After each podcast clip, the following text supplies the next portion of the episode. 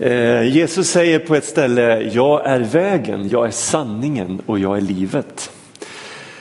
Och han vädjar till hela vår varelse, han vädjar till vårt, eh, vår vilja, vägen, viljans väg. Eh, jag är sanningen, han vädjar till vårt förstånd. Eh, jag är livet, han vädjar till vår vår känsla. Han vädjar till hela vår varelse. Jag är vägen, jag är sanningen och jag är livet. Ska vi be att han får, att han får tag på oss riktigt ordentligt. Herre vi ber. Du som vänder dig till vårt förstånd, du som vänder dig till vår vilja, du som vänder dig till vår känsla. Gör oss beredda att möta dig. Gör oss villiga att lyssna till dig. Att ta emot det du vill säga till oss. För tack att du är själva källan till, till livet och du vill, du vill oss allesammans, du vill ha gemenskap med oss, du vill, ha, du vill leda oss framåt i livet och du vill ge oss en, en, en grund att stå på som håller. Tack att vi får tro på dig och lyssna på dig och följa dig. I Jesu namn. Amen. Ja, lyssna på Jesus är alltså temat i februari månad och tanken är att vi ska lyfta olika Jesus ord, Jesus citat eh, och se vad är det Jesus säger till oss egentligen. Eh, och jag vill idag läsa dagens evangelietext. Den som läses i alla kyrkor i Sverige idag. Eh, och den är hämtad ifrån Matteus evangelium, det 20 kapitlet en liknelse som Jesus berättar. Så här säger han. Himmelriket är som när en godsägare gick ut tidigt på morgonen för att skaffa folk till vingården. Man kom överens om, en silver, om ett silvermynt i lön. Inom parentes var det den dagslön som var normal för en daglönare på den här tiden i första århundradet. Och så satte de igång att jobba.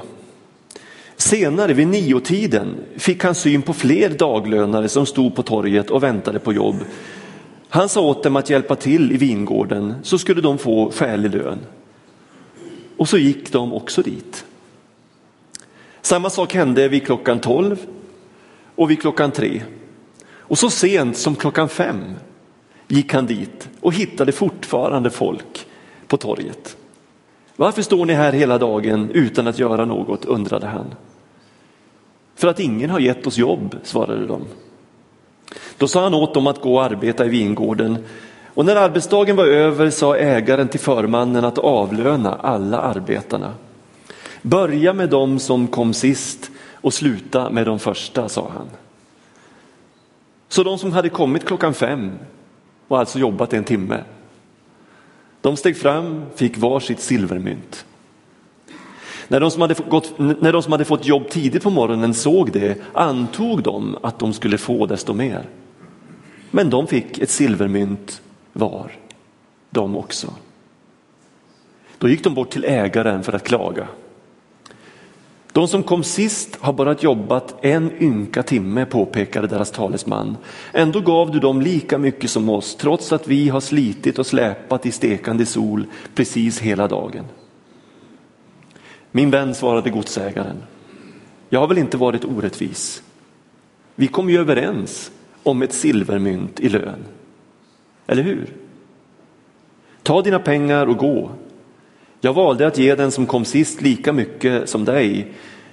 Jag får väl göra som jag vill med mina pengar. Tycker du illa om att jag är snäll? Som sagt, många av de första hamnar sist och de sista först. Lyssna på Jesus.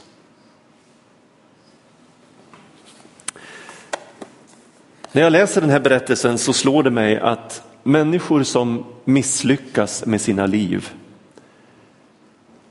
de flydde till Jesus, inte ifrån Jesus. Och det verkar som att ju sämre en människa kände sig, desto troligare var det att hon såg Jesus som sin räddning. Och då måste vi ställa oss frågan, har kyrkan kvar denna gåva?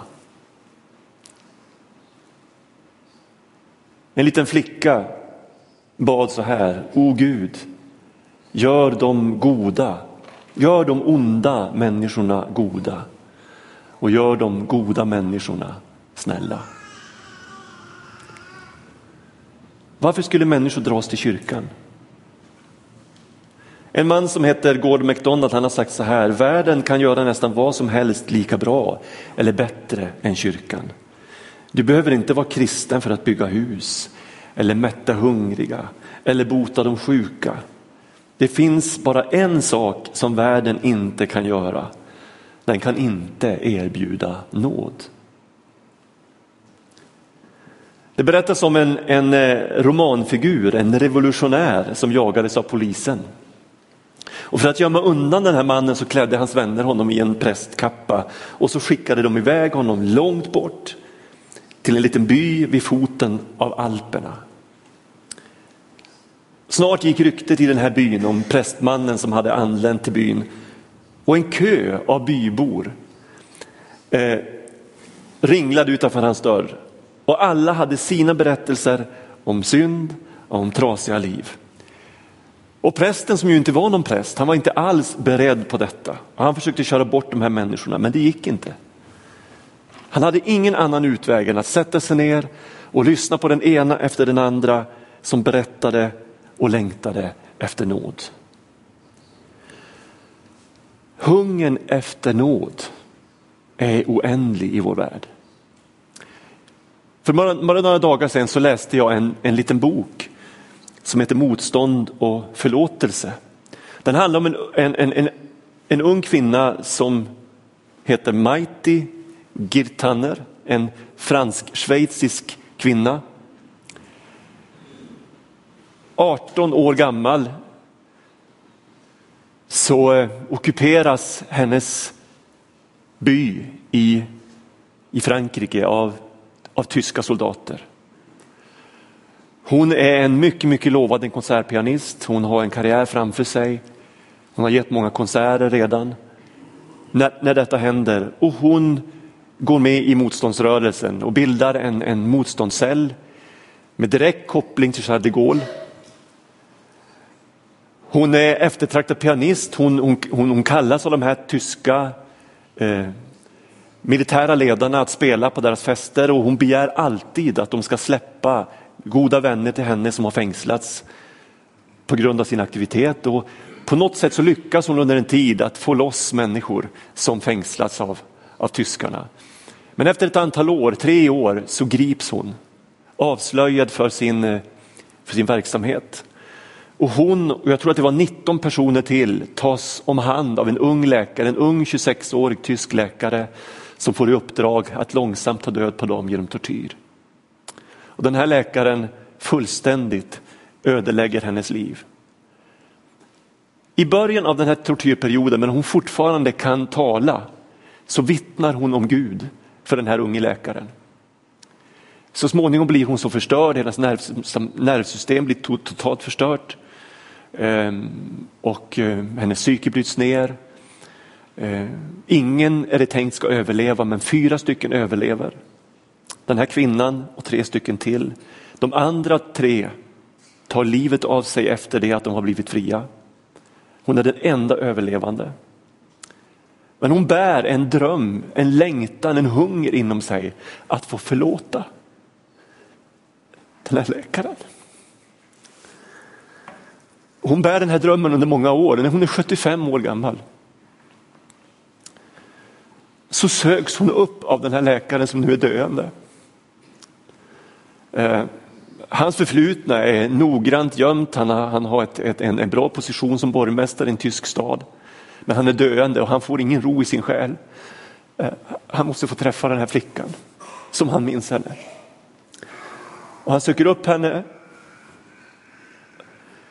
Och så berättar hon hur hon gör allt hon kan för att berätta för honom hur nådig Gud är. Och att Gud kan ta hand om vem som helst, vad man än har gjort, hur fruktansvärda brott man än har begått. Och det slutar med att han, Att hon kramar om honom och när hon kramar om honom så viskar han ett förlåt i hennes öra. Han har bara veckor kvar att leva. Han samlar sin släkt som han har, som, som, som, som eh, han har tagit avstånd ifrån och som han liksom inte vill ha med att göra. Han samlar dem, han berättar allt. Han berättar om sitt förflutna, vad han har, vad han har gjort. Och han ägnar de sista veckorna av sitt liv åt att försöka visa så mycket kärlek han bara kan till sin släkt innan han dör. Och den här kvinnan, Mighty, hon, hon upplever på något sätt en sån oerhörd befrielse i detta.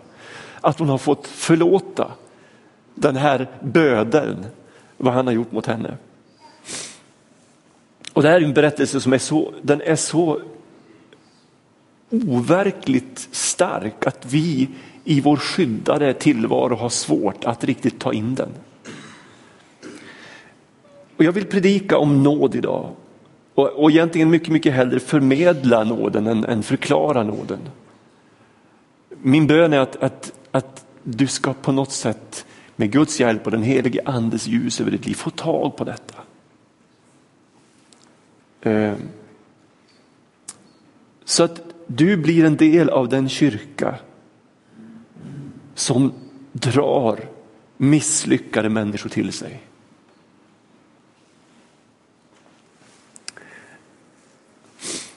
Nåden kommer fritt, nåden är en oförtjänt gåva och jag är en av dessa människor som är beroende av nåden från Gud. Det enda som kvalificerar mig för att hålla den här predikan idag, det är min egen hunger efter nåd. Och jag skulle faktiskt känna mig hedrad om jag blev påhoppad och anklagad efter den här predikan för att predika för mycket nåd. För när det sker, när jag blir attackerad för det, så kanske jag har börjat närma mig sanningen om den nåd som övergår vårt förstånd. Då kanske jag börjar tangera, åtminstone nosa på nåden sån som den verkligen är. För nåden från Gud är anstötlig.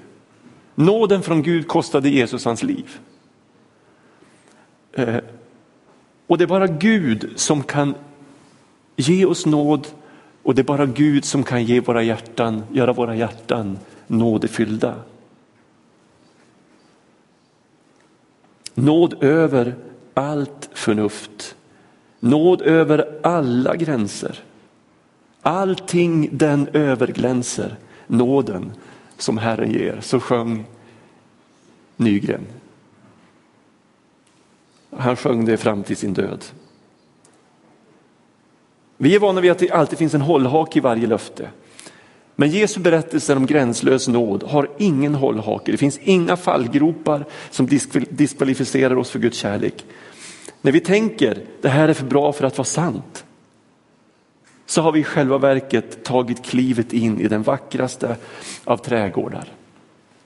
Som vi bara anar skönheten hos. Skulle vi fokusera på moralen i den här liknelsen som Jesus berättar så blir det en väldigt underlig berättelse. Ett väldigt underligt budskap. Eh, tydligen gav oss Jesus inte den här berättelsen för att lära oss hur vi ska leva. Utan han gav oss den här berättelsen för att på något sätt justera vår syn på vem Gud är och vem Gud älskar. Går vi ut och frågar människor vad måste man göra för att, för att komma till Gud? Så, så skulle de flesta svara vara goda. Vi behöver vara goda. Jesus, berätt, Jesus berättelse motsäger faktiskt det svaret. Allt vi behöver göra det är att säga ja. Och mena det. Och Gud välkomnar alla människor. Också de som inte är goda.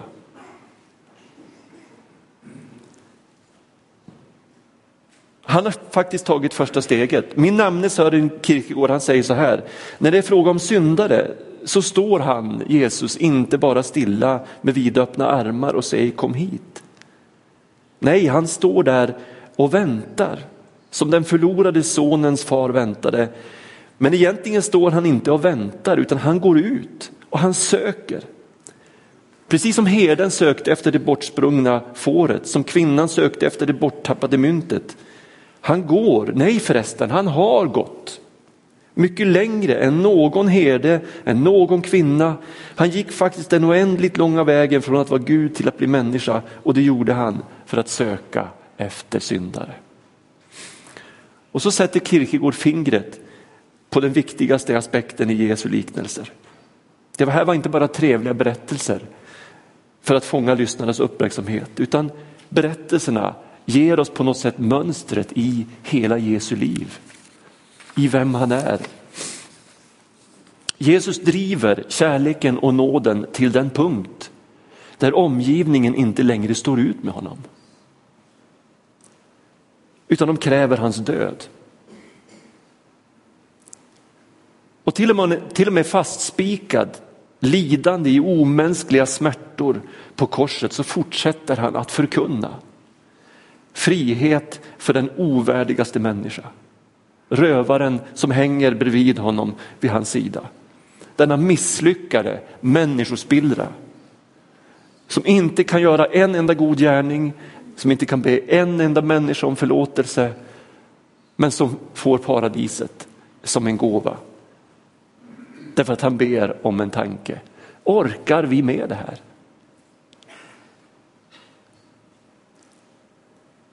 Mozart skriver i sitt rekvem Minns nådefulle Jesus att jag är målet för din färd. Och det gäller varje människa. Visst är det så här att nåden slår an en ton av orättvisa och vi kanske upplever precis som arbetarna i berättelsen att det här är inte rättvist. Det här är till och med stötande, jobbigt.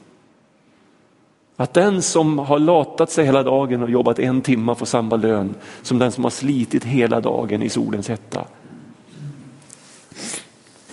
Men varför skulle ett bortsprunget får förtjäna att 99 som inte har sprungit bort lämnas åt sitt öde i den farliga öknen? För att herden ska leta reda på det. Varför förtjänar en extatisk kvinna omgiven av fattiga människor och som slösar bort en förmögenhet genom att hälla den dyrbaraste olja på Jesu fötter. Det mesta måste ha hamnat på golvet. Varför förtjänar hon ett omnämnande i böckernas bok? Jesus säger till och med att hennes gärning ska minnas överallt det evangeliet förkunnas. Varför är en fattig änkas skärv mera värd än en rik mans miljoner? som skänks till, till, till välgörenhet. Varför väljer Gud en, en, en intrigerande och falsk Jakob framför den plikttrogne Esau som dessutom var förstfödd? Varför ger Gud övernaturlig utrustning åt en lagbrytare som Simson? Varför smörjer han Josef? Förlåt, varför smörjer han David, herdepojken David till att bli Israels kung? Varför slösar Gud vishetens gåva på Salomo som en frukt av kung Davids avskyvärda äktenskapsbrott med Batseba? Och jag skulle kunna fortsätta. Varför? Står vi ut med detta? Hur reagerar du på Jesu liknelse? Tycker du att den är underlig? Vad skulle du säga om du skulle predika över den här texten i Matteus 20? Det finns en samtida eh, berättelse Eh, som är snarlik den här berättelsen som Jesus berättar. Där de där senast anställda arbetar så hårt och så effektivt att arbetsgivaren blir imponerad av deras insats och ger dem en god lön. Men så är det inte i Jesu berättelse. Och Det är mycket möjligt att Jesus anspelar till en berättelse som människorna kände till. Men i Jesu berättelse så poängteras att den sista gruppen stod och hängde på torget. Försvann jag nu? Nej. Eh, vid slutet av arbetsdagen. De ville bara lata sig. De var odugliga arbetare som ingen ville anställa. Dessutom gör de här slöfockarna inget för att utmärka sig utan de övriga blir fullständigt chockade och överraskade när lönerna ska betalas ut.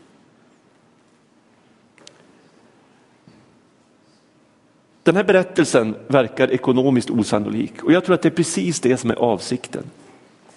Jesus ger oss en liknelse om nåd och nåden kan aldrig beräknas med matematik. Den kan aldrig liksom jämföras med dagslöner. Nåden handlar inte om vem som blir färdig först eller sist eller inte alls. Den handlar inte om matematik överhuvudtaget. Vi tar emot nåden som en gåva. Ingenting som vi sliter för att förtjäna. Min vän, jag är inte orättvis mot dig. Vi kom ju överens om en denar, ta nu vad du ska ha och gå. Men jag vill ge den siste lika mycket som du fick. Har jag inte rätt att göra som jag vill med det som är mitt? Eller ser du med onda ögon på att jag är snäll och god? Gud delar ut gåvor, inte löner. Ingen blir betald på meriter. Ingen kommer i närheten av ett rättfärdigt liv som skulle göra att vi kunde närma oss Gud utan nåd. Någon har sagt att om världen kunde frälsas genom korrekt bokföring så skulle den ha blivit frälst genom Mose, inte genom Jesus.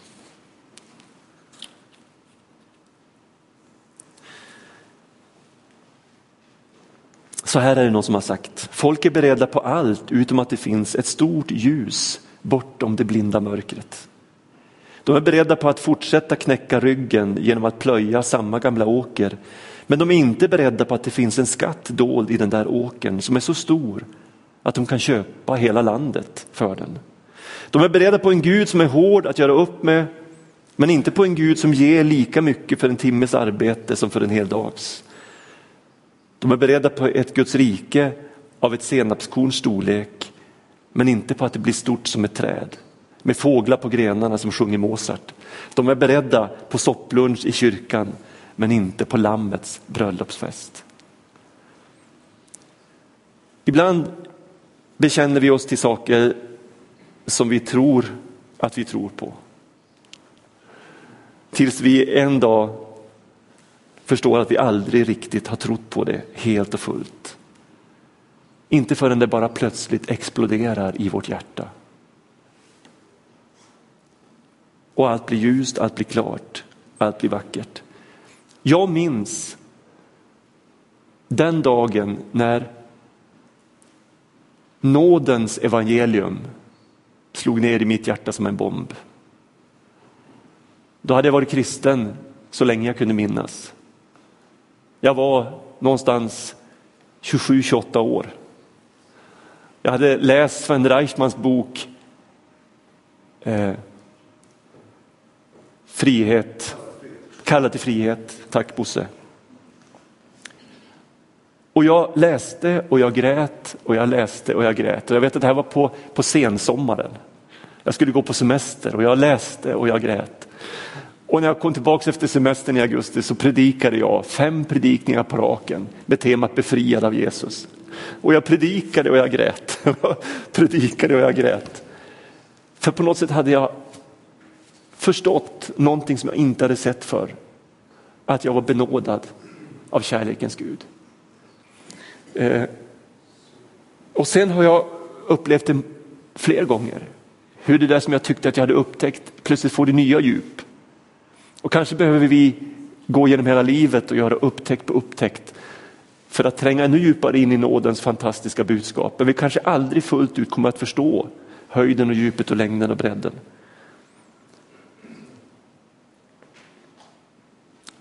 Sann nåd innebär att vi inte kan göra något för att Gud ska älska oss mer. Och vi kan inte heller göra någonting som skulle kunna få honom att älska oss mindre. Utan han älskar oss redan med en fullkomlig evig kärlek. Nåden kostar ingenting för mottagaren men allt för givaren. Det är därför det heter nåd. Guds nåd är alltså ingen snällhet visad av en trött gammal döende far, utan den har kostat en helig och i allra högsta grad levande Gud Golgatas oerhört höga pris. Och därför är frågan Gud ställer till oss, vill du ha din djupaste identitet i Kristi kors? Om du skulle fråga evangelisten Johannes, vilken är din främsta identitet i livet? Så tror jag inte att han skulle svara, jag, jag är Jesu lärjunge. Han skulle inte säga, jag är apostel. Han skulle inte säga, jag är evangelist. Jag är författare till en av de fyra evangelierna. Jag tror att han skulle säga så här, jag är den som Jesus älskar. Det är hans djupaste identitet.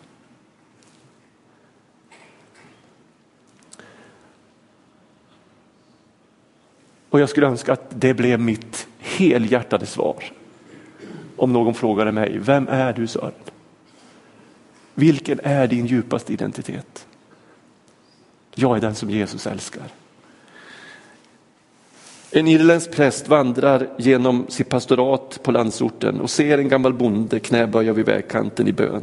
Imponerad säger prästen till mannen, du måste stå mycket nära Gud. Bonden ser upp från bönen, funderar ett ögonblick, ler sedan med hela ansiktet och säger, ja han är mycket svag för mig. Amen. Gud, tack att vi ska få fira nattvard idag komma till nådens bord. Och jag vill be att, att vi allesammans ödmjuka men med rak rygg går fram och inser att du faktiskt vill att vi ska komma. Att du gläds över att vi kommer. Att du vill ta emot oss som vi är. Och att du vill ingjuta din kärlek i våra liv. Tack att vi får ta emot din nåd och gå ut härifrån som nådens budbärare till en värld som hungrar efter nåd. Jag ber att varje uns av kluvenhet i vårt hjärta inför nådens ofattbara budskap ska helas. Så att vi helhjärtat berättar för varenda människa vi möter att det är inte kört. Utan vägen är öppnad för dig. Tack Herre att du hör min bön. Amen.